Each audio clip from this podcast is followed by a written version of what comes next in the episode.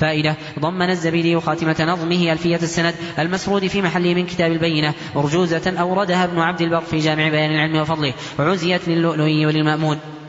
ولم يعرف قائلها تحقيقا وهي تشتمل على معاني نفيسة في آداب الطلب. كنت أفردتها مع مقدمة وخاتمة ميزتهما بالتحبير وسميتها بهجة الطلب في آداب الطلب وهي هذه. الحمد لله له الإحكام ثم الصلاة بعد والسلام على محمد رسول الله وآله طرا بلا تناهي وبعد ذي أرجوزة جديرة بالحفظ والإدراك بالبصيرة للؤلؤ تعزى أو المأمون ونصها المجلي للعيون. اعلم بأن العلم بالتعلم والحفظ والإتقان والتفهم. والعلم قد يرزقه الصغير في سنه ويحرم الكبير. فإنما المرء بأصغريه ليس برجليه ولا يديه لسانه وقلبه المركب في صدره وذاك خلق عجب. والعلم بالفهم وبالمذاكرة والدرس والفكرة والمناظرة. فرب إنسان ينال الحفظ ويريد النص ويحكي اللفظ. وما له في غيره نصيب مما حواه العالم الأديب. ورب ذي حرص شديد الحب للعلم والذكر بليد القلب.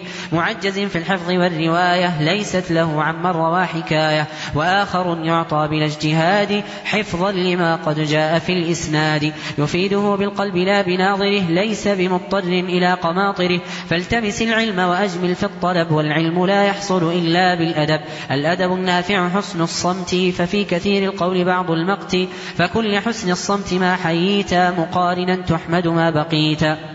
وإن بدت بين أناس مسألة معروفة في العلم أو مفتعلة فلا تكن إلى الجواب سابقا حتى ترى غيرك فيه ناطقا. فكم رأيت من عجول سابق من غير فهم بالخطأ ناطق أزرى به ذلك في المجالس بين ذوي الألباب والتنافس.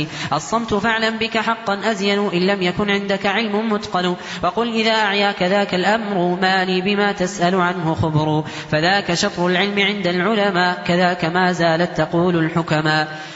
إياك والعجب بفضل رأيك واحذر جواب القول من خطابك. كم من جواب أعقب الندامة فاغتنم الصمت مع السلامة. العلم بحر منتهاه يبعد ليس له حد إليه يقصد. وليس كل العلم قد حويته أجل ولا العشر ولو أحصيته.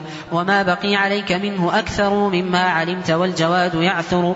فكل ما علمته مستفهما إن كنت لا تفهم منه الكلمات القول قولان فقول تعلمه وآخر تسمعه فتجهله وكل قول فله جواب يجمعه الباطل والصواب. وللكلام أول وآخر فافهمهما والذهن منك حاضر.